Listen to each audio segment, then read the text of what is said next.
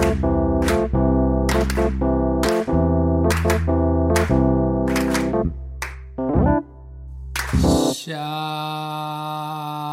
Välkomna till Hålla Låda-podden. Vi är tillbaka nu eh, igen och ska prata om brädspel och kortspel och Kickstarter som är dagens tema. Med mig har jag Samuel. Halloj. Halloj. Hur mår du idag Samuel? Det är bara fint. Hur? Efter en slurk kaffe kan jag säga att jag mår jättebra.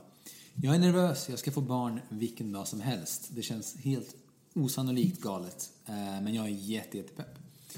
Du, eh, du har en tre månader gammal unge. Yes. Hur känns det? Det känns bra. Hon eh, tog ju faktiskt sitt första steg in i spelvärlden idag. Ja, berätta. Yes. Hon har fått en Rubiks kub av Stefan. Så att nu börjar det. Nu Nu börjar är det. inte Rubiks kub ett spel, men, eh, Well, alltså det, det beror på hur man ser det. Jag kan, men den är fyrkantig och den är färgglad. den är färgglad. Och hon blev glad. Hon blev fruktansvärt glad. Jag gav henne en månad att lösa det. Annars så uh, blev, blev jag besviken på henne. Ja. Vet du det? Nej, men det var jätte- jättekul. Det är kul att se din unge växa. Det går fort. Det går fort och så blir de människor. Men får du någon tid att spela spel? Eh, ja, det är mest måndagarna. Eh, För då har ni ju brädspelskvällar där på biblioteket va? precis. Är det mycket folk som brukar komma då? Eh, Typ i ja, snitt? det är alltid alltså, minst tre spelbord igång. Så Minst tre? Ja, så och ja, så absolut minst 12 pers varje gång. Vad heter det? Skulle du säga att det liksom är ganska lätt att ta sig in där om man bara vill spela brädspel? Eller är det typ... Det är bara att dyka upp. De flesta är bara glada att det kommer någon, eh, någon ny. Sweet. Så att, eh, är man intresserad så det sker ju faktiskt, som vi ser från fönstret här, brädspelskväll på Spelens hus också. As we speak. As we speak. Så att det här med att jag inte har tid att spela spel Ja. är ju- är ju a... det, det kan man ju se som man vill. För att jag hade ju kunnat vara 50 meter bort Det är sant. och, och spela Det är brädspel. sant. Men det är du inte. Istället är du här och snackar om brädspel. Yes. Men vad har du spelat sen sist? Vi, vi, vi börjar i samma gamla jäkla veva. Vad har du spelat sen sist? Nu är det ju två veckor sedan sist. Mm, ska jag så är det. för mig allt. Men i förrgår så spelade jag Think Straight. Mhm. Som är ett abstrakt spel av, jag minns inte vad han heter förnamn, men eh, Colvini. Mm. Eh, en av eh, abstrakt spelkonnässör-designarna. Okej. Som helt enkelt går ut på att alla spelare kommer få en sekvens med siffror i sex färger. Och man ser bara den andra spelarens eh, siffror. Ja.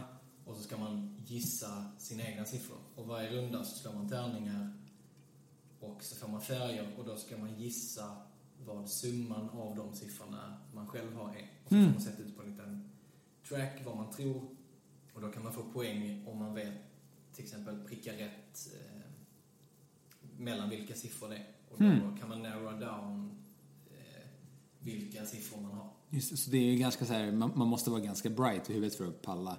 Ja, Det är inte jättetufft, men man kan också sitta och bara räkna på allting. Att vänta, men grön och grön och eh, lila är nio. Då vet jag att grön och grön inte kan vara större än bla bla bla för att jag vet att lila är... Ja, ja, ja, ja.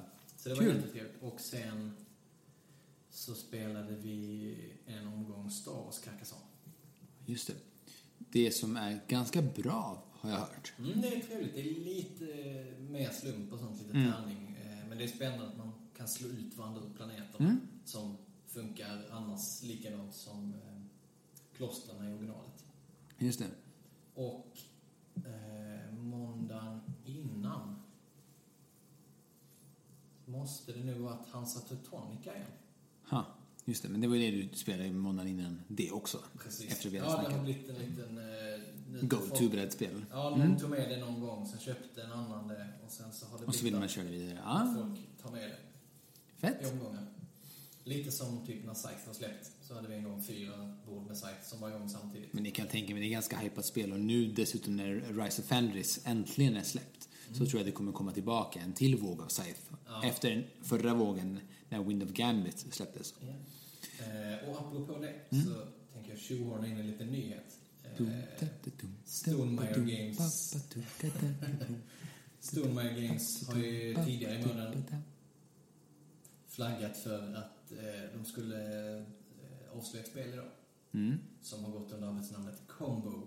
Och det visar sig vara Brish! Eh, Between Two Castles of Mad King Ludwig. Som verkar vara en sammanslagning av eh, deras, alltså Stormeyers eget spel eh, Between Two Cities och eh, Bezier Games eh, spel Castles of Mad King Ludwig. Mm. Det är alltså, kul att de verkligen... Det är en kombo. Det är ju, det är ju literally en blandning av Ja, de har bara slängt upp dem. Så eh, Jag har ingen aning om eh, hur de har fått ihop det eller så. Mm. Eh, det var mest en bild spoilad. Men det kommer bli kul att se. Jag tycker att Stormire gör jävligt coola spel. Mm. De De, är- är... duktiga. De har en, eh, en bra eh, approach till liksom branschen. Mm. Att inte släppa expansioner i onödan utan så. Vi gör så här mycket expansioner till Scythe, sen är vi klara och sen kan de fortsätta släppa Precis. massa tillbehör och pengar och sånt som är liksom onödigt lullull. Men Mm. inte hålla på och vaska ur folks plånböcker som vill ha liksom spelupplevelsen. Och så är det ganska fint att de har Charterstones eh, som är ett legacy-spel som faktiskt går att resetta. Som inte, Mm. alltså det, jag, jag gillar det. De verkligen tänker på spelarna. Coolt. Vad, Vad- har jag spelat sen sist? Ja, spelat sen jo, sist? jag har ju fyllt år. Eh, Just det. Så eh, då fick jag ju ett brädspel, två brädspel har jag fått och jag har spelat båda. Eh, Ett var Create Your Own Adventure House of Danger. Som är ett, ja men lite såhär Create Your Own Adventure-bok. Alltså påminner om en Create Your Own Adventure-bok från 80-talet. Eh, och det är literally ett spel, åh, här åker en motorcykel. Nej, det är faktiskt en bil. En bil, Det är- jävlar det här är vilken motor. Det här där, är där bilar låter som motorcyklar. Mm. The Välkomna. Magical Land. The Magic Land of Cars and Motorcycles. Eh, nej men det var ett spel som var så här. Om ni har kollat på Dirk Gentlys Holistic Detective Bureau så är det typ ett, ett sån sorts berättelse där man är någon form, form av så här aspiring detective som, med, som har psychic skills. Och så tar du dig igenom en berättelse och berättelsen är helt far out. Det är så här, eh, nu vet jag inte om man möter eh, flygande lava chokladbitar men du skulle tekniskt kunna möta det. As any other day. As any other day. Nej men så här, det, det är så här, dels så, så möter du typ sådana här Resident Evil-hundar som jagar dig och så har du alltid olika val. Så här, ska jag slå hunden med en pinne eller ska jag kasta pinnen så den kanske springer iväg och hämtar den? Och beroende på vad du gör så drar du olika kort, olika story cards. Så det är liksom ett äventyr som när, närmast är likt ett rollspel utan spelledare. Och tar iväg det på, ett, på en berättelse med massa olika slut. Så typ ensamma vargen i kortform. Ja, verkligen. Eh, och sen har jag... Sen fick jag ju faktiskt Exit, det senaste Exit från dig Samuel. The Sinister Oj. Mansion. The, jo, så heter det. The Sinister Mansion. The och Sisters Mansion. The Sisters Mansion. Det var faktiskt ett, ett av de finare Ex- Exit-spelen skulle jag säga för att det gjorde en liten så här, koppling till de gamla spelen. Och det, och det tycker jag var jävligt fint. Eh, Inga spoilers. Inga spoilers, inte hur, inte vad, men det var... Det här kändes som ett old school exit. För det finns så här, de första exit-spelen man spelade som började liksom tänja på gränserna med vad som är ett brädspel och vart man ska titta efter i ett brädspel. Och sen har de genom tidens gång, Inka och vad heter de, Marcos, eh, försökt liksom att tänka utanför, utanför lådan. Men det här känns som att de liksom är tillbaka till någon form av så här grundmekaniker. Och det, det tycker jag var jävligt snyggt. Men det, är det, men det är det jag har spelat. Jag har nog spelat en till Sherlock Holmes Consulting Detective om jag ska vara helt ärlig. Och eh, jag har startat äntligen på Jack the Ripper-kampanjen som man får i den röda lådan, den första reprinten som släpptes. Och det är ju jättebra spel. Alltså det är nog bland de absolut bästa sällskapsspelen som man kan spela som inte handlar om att tävla med eller mot. Men ni sitter väl i opiumkuddar och lajvar Johnny Depp medan ni jagar Jack Ja, gud ja. Nej, vi livear Benedict Cumberbatch. Sorry, vi är uh, All these young kids. young kids, old kids, young kids. Men du, vad heter det? Inte för att From Hell är så old school. Den kommer till 2001. Ja. Vi pratade om From Hell och Alan, Alan Moore idag tidigare. Ja. Där, där vi kom fram till att du visste inte direkt vem han var. Men, Så sen, googlar vi bilder och nu ångrar jag allt. men, men du har sett många av filmerna som han har varit bakom eh, och skrivit serietidningen till. Mm. Till exempel From Hell, Watchmen, V for Vendetta. Ehm, och för er som inte har läst Frank, eh, inte Frank Miller utan Alan Moores serietidningar så tycker jag att ni ska göra det för det är Men se filmerna först för att man kommer att hata dem om man... Man kommer att hata dem sen. Exakt. Samuel, du lär dig så fort. They grow up so fast. Men du, låt, låt oss gå, gå vidare. Vad har, vad, vad har hänt sen sist? Vad är nytt i brädspelsvärlden? Vi behöver inte säga säga sen sist. Men, eh, Ja, förutom den här dagsfärska... mm, så vi klämde in där lite snajdigt. Ja, vi hann ju hann se det precis innan vi stack hit från jobbet. Mm. Eh, så eftersom att Kickstarter är Dagens tema. så har jag bara tagit nyheter från Kickstarter. Yes. Berätta. Sen Vad, hur nytt det här är, är ju en annan sak. mm, Men två eh, lite coola kampanjer som är igång mm, just nu är The Ancient World av Ryan Laukat Second Edition. berätta, vad är det för något? Det är någon form av worker placement. Jag har inte spelat eh, det förra. Nej? Eh, men eh, det är någon form av worker placement med lite kort. Det är en fantastiskt snygg karta. Eh, och det är typ det jag vet. Och det kommer metallmynt. Viktigt, Ooh. viktigaste. Men så för alla Laukat-fans är det ju bara att eh, antingen kickstarta det eller vänta tills det kommer ut i, i butik. Just det. Och, Och- eh, vad, vad mer har du? Sen är det något som nästan tangerar att inte få med på den. Men, men det är en tabletop experience, så det får vara med. Eh, och det är någonting som heter Spatual och sen så världens längsta undertitel. Som är någon sorts eh, ram som du sätter fast din smartphone i. Och eh, till den här så får du små brickor som är spelpjäser. Och så sätter du dem framför och då eh, så blir det en augmented reality-grej på, eh, på skärmen så att du kommer se drakar som flyger över de här pjäserna. Och till den här så får man då ett antal spel. Just det. Så det är en spelkonsol så du kan spela tabletop-spel. Men inte vilka som helst utan jag har inte riktigt förstått om det kommer komma alltså, existerande spel till den eller om de bara hittat på sina egna och man är låst till det. Hmm. Men det kan vara någonting att... Men alltså det är väl en sån här e, liten sån mini-era vi har av, ah, vad ska man säga? ja, att det digitala Digital, börjar- precis. börjar krafsa, sig in samtidigt som brädspelen håller på att digitaliseras. Det finns ju oändligt många spel nu som har kommit som, eh, som appversioner. Hmm. Typ Patchwork, Carcassonne, Ticket to Ride. Onirim. Ja. Eh, Fantasy Flight har ju precis startat upp en studio också. Eh, och kommer börja göra spel baserade på sina spel. Och det, och det här kanske vi nämnde förut, men Gloomhaven skulle bli ett datorspel också. Ja, och det verkar som eh, det blir Asmodee Digital som ska göra det. Och, Och det Asmodee verkar- Digitals är... Det är Asmodees digitala studio.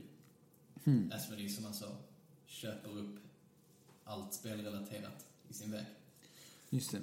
Men, ja just det. Men, Kör. Ehm, Men så det är de som, eh, som kommer få göra det. Men eh, Fancy Flights digitala studio kommer ju mer att göra spel i sina egna världar. Så det kommer kanske komma till exempel ett First Person Shooter-spel i Netron-universumet. Jaha. Eller Android-universumet. Netron har de inte kvar längre. Men eh, de har ju kvar sitt, sitt universum. Eller så kan det komma liksom ett. Memorpurger i eh, Rundband-universumet eller whatever. Just det. Men det är ju precis... Worlds are colliding indeed. Worlds are, are colliding indeed. Men alltså jag skulle tänka så här, det känns som att det inte bara är åt det hållet det går. För det känns ju även som att digitala spel börjar ju mer och mer få brädspelsreleaser. Eh, alltså, nu ska jag bara nämna, apropå Kickstarter som vi ska prata om idag, så har vi ju Dark Souls som var ett Kickstarter. Vi har Blood, vet du, Bl- Bloodborne.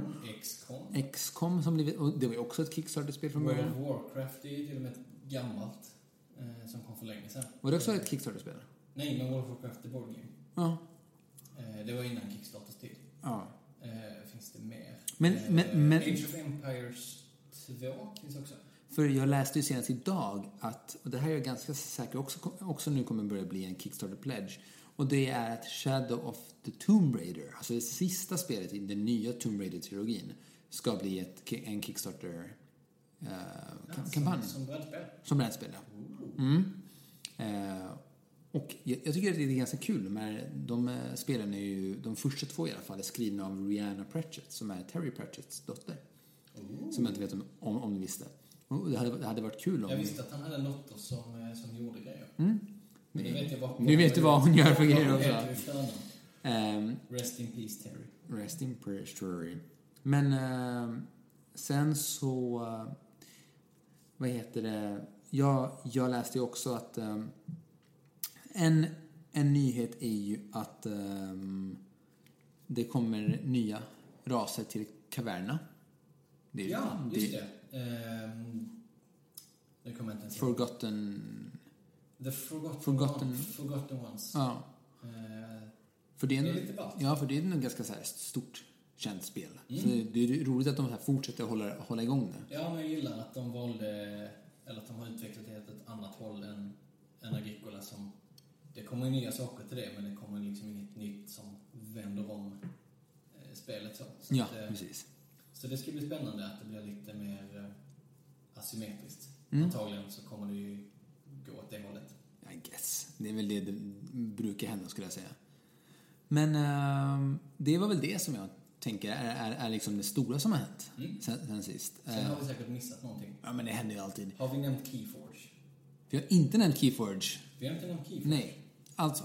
Fantasy Flight, eller så gjorde vi det sist. Nej, jag tror inte vi gjorde det. Ja, Fantasy Flight ska släppa ett kortspel som heter Keyforge.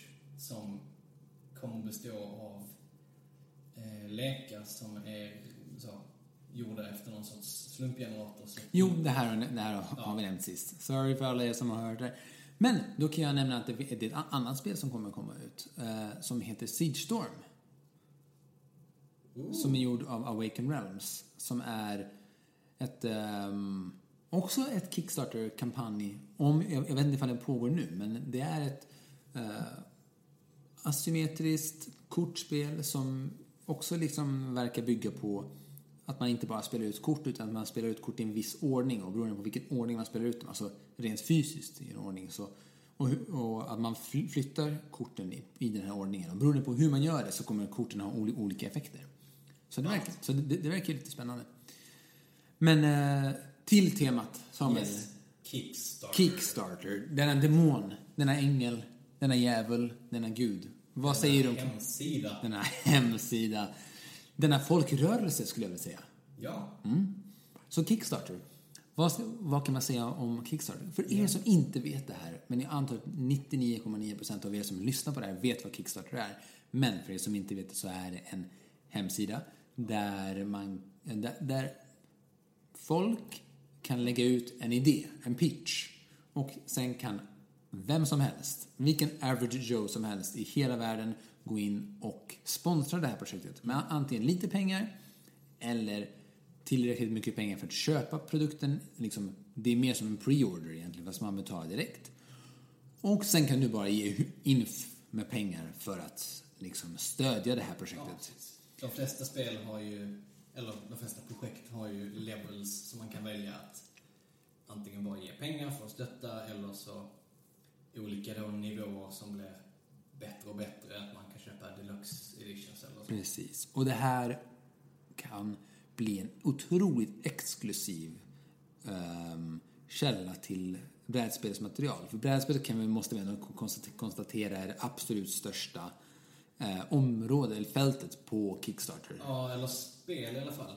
Eh, Digitala Ja. spel kanske är större, jag vet inte. Det tror jag inte. Men eh, jag är inte hundra på om det är bara brädspel eller spel Ja. totalt. Men, men brädspel är nog... Eh, Det är väldigt jag stort i alla är fall. väldigt säker på att det är den största. Ja. För det jag tänker så här, det här har både varit en blessing och en curse för världen, allmänheten, men mycket för bräds, alltså brädspelsbutiksägare. Ehm, Samuel, alltså här, vad tänker du kring det här?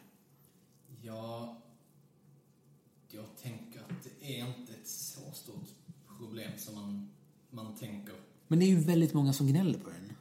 Ja, det är det, men det är, folk letar ju väldigt mycket efter enkla, enkla sanningar. Och visst, om man ska se så, konkret, till exempel Zombieside och de spelen som... För det är inte alla spel som kommer ut i, eh, i butiken sen. Nej. Och till exempel, om man tar Zombieside, Ja. eh, så säljer man färre av dem till exempel än vad man eh, gör av andra spel som har uppnått samma hype. Men är det för att man inte får alla komponenter som man fick när man kickstartade det? Eh, Det är väl mest som jag tänker att de som är intresserade hittar Kickstarter. De har Sen- redan köpt ja, den grejen. Att det finns ett visst antal människor i regionen där man har sin butik som är intresserade och eh, x antal av dem kommer kickstarta det och de andra kommer köpa det i butik och det är inte säkert att de köper det i Men, men, just men, egen tid. men tror du inte att att det ändå är så, så här, att, att rädslan också har hamnat lite på att brädspelsbutikerna inte räcker till? Att det blir så här, men om vi vill ha brädspelet så köper vi, så köper vi det bara via Kickstarter och istället för att gå till den lokala brädspelsbutiken. För att man får inte in alla spel som finns på Kickstarter till Nej, exempel. precis. De som bara kommer på Kickstarter påverkar inte överhuvudtaget. Men utöver det att man då av de här få titlarna, till exempel Zombieside Ja. eller... eh, Alltså det är mest Cool Mini-spelen. Mm. Eh, att man säljer... Vad sa du? Comini? Cool Mini och något-spelen. Vad, vad betyder det? Det är företaget som gör Zombieside. Cool, cool Mini? Cool Ja. Mini or Not. Som egentligen var en eh, hemsida för att lägga upp eh, modeller man hade målat och sen fick folk ratea dem. Ja, ja, där ser Så man. att antingen var minin cool eller inte. Ja. Men sen började de göra, göra spel. Egna brädspel. Men utöver det så allting som eh, gör att folk uppmärksammar spel är bättre för branschen. Men tänker du inte så här att, låt oss säga eh, brädspelsfantaster som har en viss månadsbudget att spendera på brädspel. Köper inte de bara, köper inte de bara brädspelen som finns på Kickstarter istället för att handla i butik? Är inte det ett problem? Jo, men det är ju inte alla spelen heller. Nej. Det är ju långt ifrån alla spel. Det är väldigt många företag som eh, har slutat med Kickstarter till exempel för att de eh, vill att folk ska handla i butik för att det är där som rekryteringen sker och spelkvällar och sånt, att de vill stötta det och det finns många som aldrig har gjort det. Mm. Eh, Sen finns det de som använder Kickstarter. Eh, Till exempel Stormare Games har ju bara använt Kickstarter för att få igång projekt. Men det är aldrig någonting på Kickstarter som inte kommer ut i vanlig butik sen. Exakt likadant, eller kommer de också med extra? Nej, det... Alltså det enda vad jag kan komma ihåg från eh, Scythe Kickstarter till exempel var att man kunde köpa en låda som var numrerad. Ja. Men, i, och, men, och, men och är annars inte de... fick man boken till. Och den har ju kommit i vanlig butik. Men är inte det de undantaget som bekräftar regeln liksom, eller? Vad... Jag, jag tänker att på kort sikt när Kickstarter blev stort Ja. så slog det hårt mot butikerna för att helt plötsligt så det tog ett tag för folk att, att vänja sig vid hur, hur många vågar man då köpa in av det här spelet som har varit på Kickstarter. Mm. Vissa butiker kanske lät bli att ta in spel som har varit på Kickstarter för att så är det inte värt att ha dem stående för det kostar pengar. Ja. Eh, och det var ju det kortsiktiga. Men folk investerar ju i hobbyn och sen fortsätter de. Och det, alltså, de flesta som handlar på Kickstarter handlar ju också i en butik. Men om vi säger så här.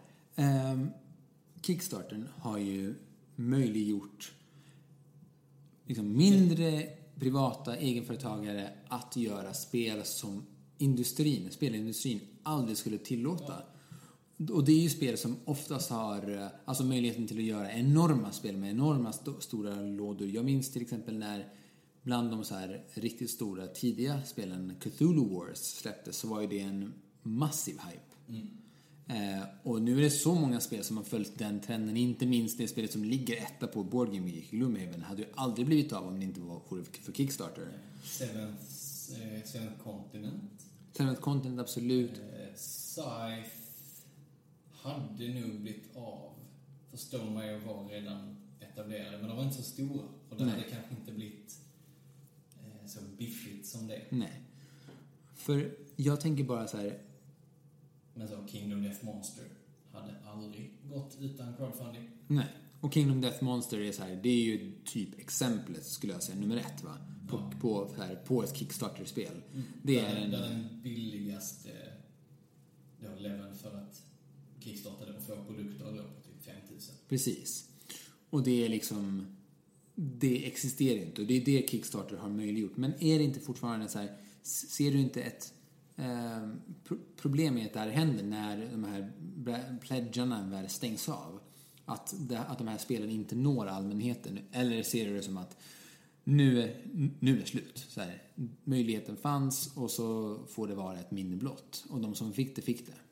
Nej, jag tänker att de spelen som det fortfarande finns ett stort sug, om vi bortser då från enskilda individer som kanske missar en kickstarter och inte får sitt spel, men om man tänker liksom lite mer makro, Ja, att spelen eh, som fortfarande har hype och folk vill köpa efter, Mm. antingen så kommer det en kickstarter till, just det. så att de kommer ut igen, eller så släpper de dem det i vanlig retail.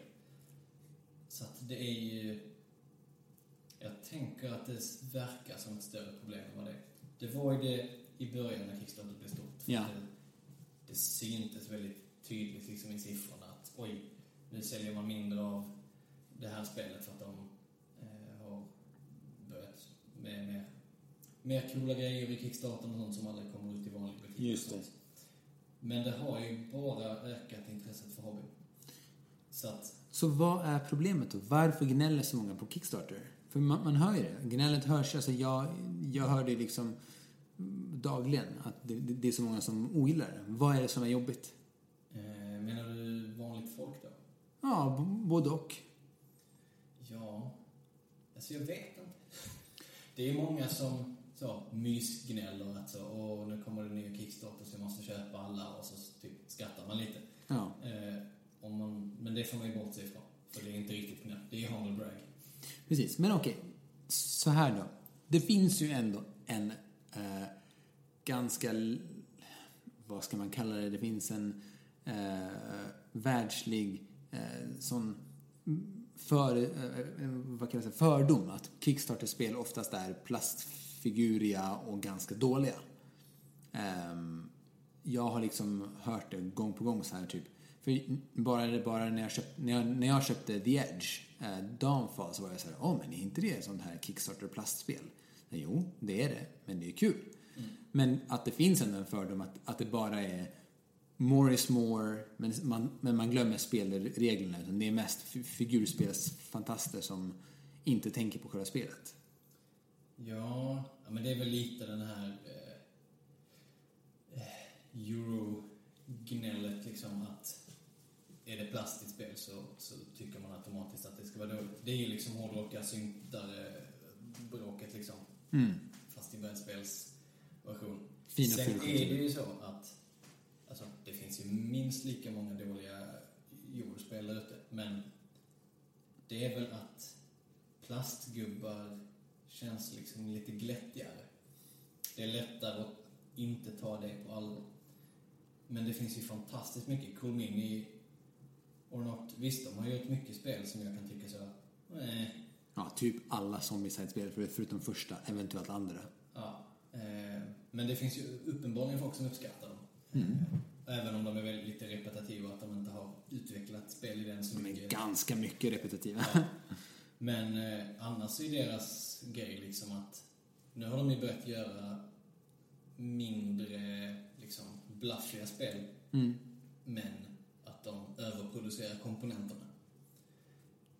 Att liksom plasten ska vara där för att lyxa till det, att det ska kännas nice. Mm. Istället för, för de som till exempel tycker att trä, träkuber känns lite, lite tråkigt så Mm. försöker de göra att spelet ska vara, alltså utseendet ska vara en upplevelse i sig.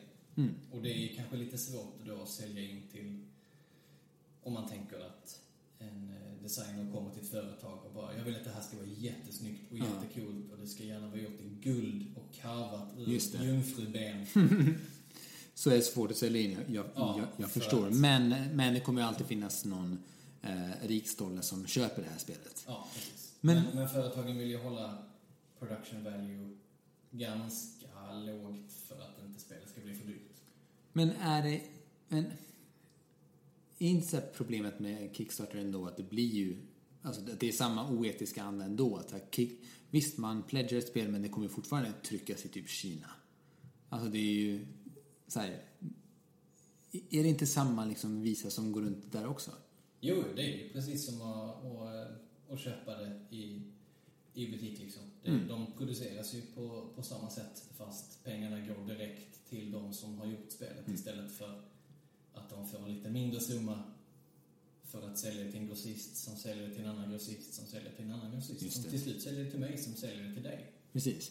Och det är det här jag vill komma att det finns ju extremt mycket så här som fortfarande skulle kunna vara problematiskt med Kickstarter när det är en sån så här crowdfundad sida där, som, som bygger på den allmänna goda viljan hos average Joes som mig och dig som precis har pledgat massa metallmynt till brädspel. Alltså på det så kommer mina metallmynt snart. Yes! Och jag får ju Nemesis när som helst i september. Spelet du aldrig kommer kunna spela. Jo, jag kommer lätt kunna spela det. Det är, det är inte så långt, det är så här 60 minuters spel. Alltså, när du får Avin, Ja.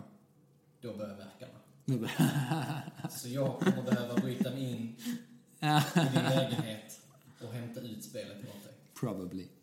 Men alltså, Samuel, om man ser det här från den positiva sidan. Jag skulle säga att Kickstarter, så här, jag kanske är naiv nu, men jag ser just nu ingen dålig, dålig sida jämf jämfört med det andra. Det verkar ju bara vara som att, att det här har ju gynnat mångkulturen inom brädspel. Ja, det, den absolut största grejen med Kickstarter, Mm. om man ska titta på det positivt, är ju att spel som aldrig hade gått att sälja in, Mm. eh, som, men som det ändå finns en marknad för, eh, de blir gjorda. Men det, man, alltså det Mm. görs ju tusentals spel på Kickstarter som inte ens kommer ut i butik för att det är någon som bara vill göra ett spel och sälja ett par tusen ex av det. Och att spelet egentligen är liksom, det är inte bra nog för att en grossist ska ta in det och att en butik ska ha det. Men att de spelen, är det, ju- det är ju någon som vill ha dem och de blir ju kickstartade. Men inte det här problemet nu, som jag tänker på, att de... Här, nu, Kickstarter har blivit så här pass stort idag att till och med de stora företagen går ju in för att få sina kanske mer alternativa spel sålda. Eller till och med att, så här, att de inser att shit, vi kan få folk att betala för spelen innan de ens är gjorda. Det är ju sån safety net för dem. Ja. Inte problemet att dessa företag har ju redan jätte, jättemycket pengar. Och då kan de göra extremt väl designade, designade trailers och reklamkampanjer med jättefina komponenter. De har ju råd att trycka upp det här fina innan spelet ens görs. Och det är ju de som syns mest också. Jag skulle nog säga att det finns, alltså när jag börjar kolla på så här random brädspel som finns på Kickstarter så har jag hittat tio gånger så balla brädspel än till exempel egentligen Nemesis eller Gloomhaven. Men de så här glöms bort för att det finns ingen eh, Ja men det finns ingen marknad, det finns inga, ingen ekonomi att ha råd att pledga den. Nej, precis. De flesta som vanliga människorna som, som ska starta upp en Kickstarter har ju liksom inte så mycket pengar att ligga ute. Nej, exakt. Så det är ju, det är ju ett, ett problem. Men det är ju precis som på den vanliga marknaden att de som kan göra coola trailers är de stora företagen. Så att, Ja, men det är därför jag menar att Kickstarter också är en, en liten sån här ehm, falsk, falsk förhoppning. Det är också en liten falsk dröm. Att det är, att det är bara så här, men ska, ska inte vi försöka pl- pledga ett spel tillsammans, Samuel, som handlar om Malmös olika falafelstånd som krigar om den bästa falafeln i stan? Nej, det går inte, för vi, vi har inte råd. nej, sant. Alltså jag bara tänker att man ska inte se det som äh, bara så här äh, skoj och glam. Då, då det finns en så här, ja men det, det är ju business som vilken annan business som helst. Precis. Sen är det ju också en, eh, en grej med, med Kickstarter att man känner inte riktigt att man har köpt spelen. Även om man pungar ut pengarna när eh, kampanjen är slut oftast. Mm. Så att pengarna dras från kontot. Så är det ju också lätt att folk konsumerar mer än vad de hade tänkt. För att spelet kommer ju om tre år, eller ett år. Och Just då, det. Eh, att folk faktiskt handlar mer än vad de egentligen vill. Och sen har vi ju det här som vi har pratat om förut, det här blinget. Lägg till 5 dollar extra så får du metallgubbar istället för trägubbar. Lägg in ytterligare 5 dollar så får du um, stand, liksom standees för, istället för dina platta pappers uh, lik som- som finns i vissa spel. Alltså där, det, det är så mycket extra man, man lägger på, på för att liksom så här, sälja på och bli av med så mycket, det känns som så, här, så, så mycket skräpmaterial som de inte behövde till grundspelet. Ja, det är sant. Men eh, ja, man får ju hoppas att de pengarna som faktiskt då går, förutom den eh, eh, vad heter det, procenten som, eh, som Kickstarter att de faktiskt går till att utveckla företaget så att varje Kickstarter gör företaget lite starkare ekonomiskt så att de faktiskt kan leverera större och bättre upplevelser till nästa gång. Och det är ju, alltså Colmini har ju växt något enormt. Eh, och det är ju för att, jag tror det typ 50 procent av deras, kommer inte ihåg om det är vinst eller omsättning, är via Kickstarter. Mm. Men det är ju flera stora företag. Där polska Awaken Realms har ju också gjort det. Mm. Växte jättemycket tack vare Kickstarter. Ja, och det är ju så länge pengarna går till att faktiskt utveckla eh, företaget och därigenom branschen så Så är det toppen, absolut. Ja. Sen, sen kan man ju liksom gubbgnälla allt man vill på, på Kickstarter och tycka att det är tramsigt och, så. Och det får man jättegärna göra. Men jag tror verkligen att i längden är det bättre för branschen. Mm. Ja, men alltså, det, det köper jag definitivt. Så dessutom har det varit ganska kul. När jag har pledgat till exempel, eller inte till exempel, utan det enda jag har pledgat vid är Nemesis har det varit fint att se hur de har följt mig, eller så här, hur jag har följt dem. En gång i månaden så lägger de en ny uppdatering på vad som har hänt. De visar mig lite bilder från den första printen. De säger nej visst, oj visst, det här alienets, alienets huvud blev lite för stort så den åker tillbaka in i printen. Men de delar med sig ganska mycket av processen.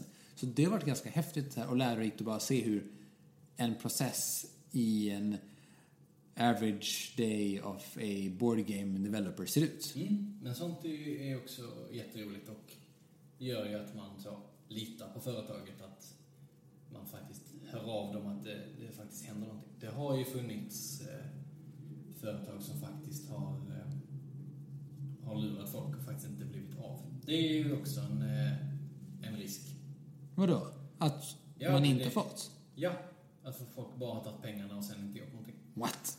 Ja. Har det hänt? Finns sånt? Ja, ja nu har jag inga, inga konkreta exempel bara för det, för att underbygga mitt case. Okej. Sen vet jag inte riktigt hur legal eh, issues resolvar där, om det, man faktiskt kan få tillbaks eh, pengarna eller hur det funkar. För att rent juridiskt så har du inte köpt någonting. Eller, jag är inte helt hundra, men jag tror faktiskt att det räknas som eh, eh, alltså bra sponsring. Ah. Och att, eh, för att de flesta projekten så får du ju faktiskt inte en riktig produkt. Eh, Det kanske någon där ute har lite bättre, bättre koll på. Ja. Men i alla fall så är det projekt som inte har blivit av och folk har blivit, eh, blivit lurade på pengar. Ja. ja, det är i och för sig sjukt fult. Sen är det ju liksom så att de stora kampanjerna och sånt eh, blir ju av om de går igenom och får in sina pengar. Det är liksom Ja, de företagen har inte råd att, Det är att liksom inte små, skicka. små Ja. kampanjer som eh, försöker gå under radarn. Liksom. Mm. Men alltså, i det stora hela så måste vi väl ändå säga att Kickstarter är ju viktigt och bra att det finns, eller hur? Ja, För det har ju ändrat bräd, sättet för människor att konsumera brädspel, att spela brädspel och framförallt för utvecklare att komma på nya och coola idéer.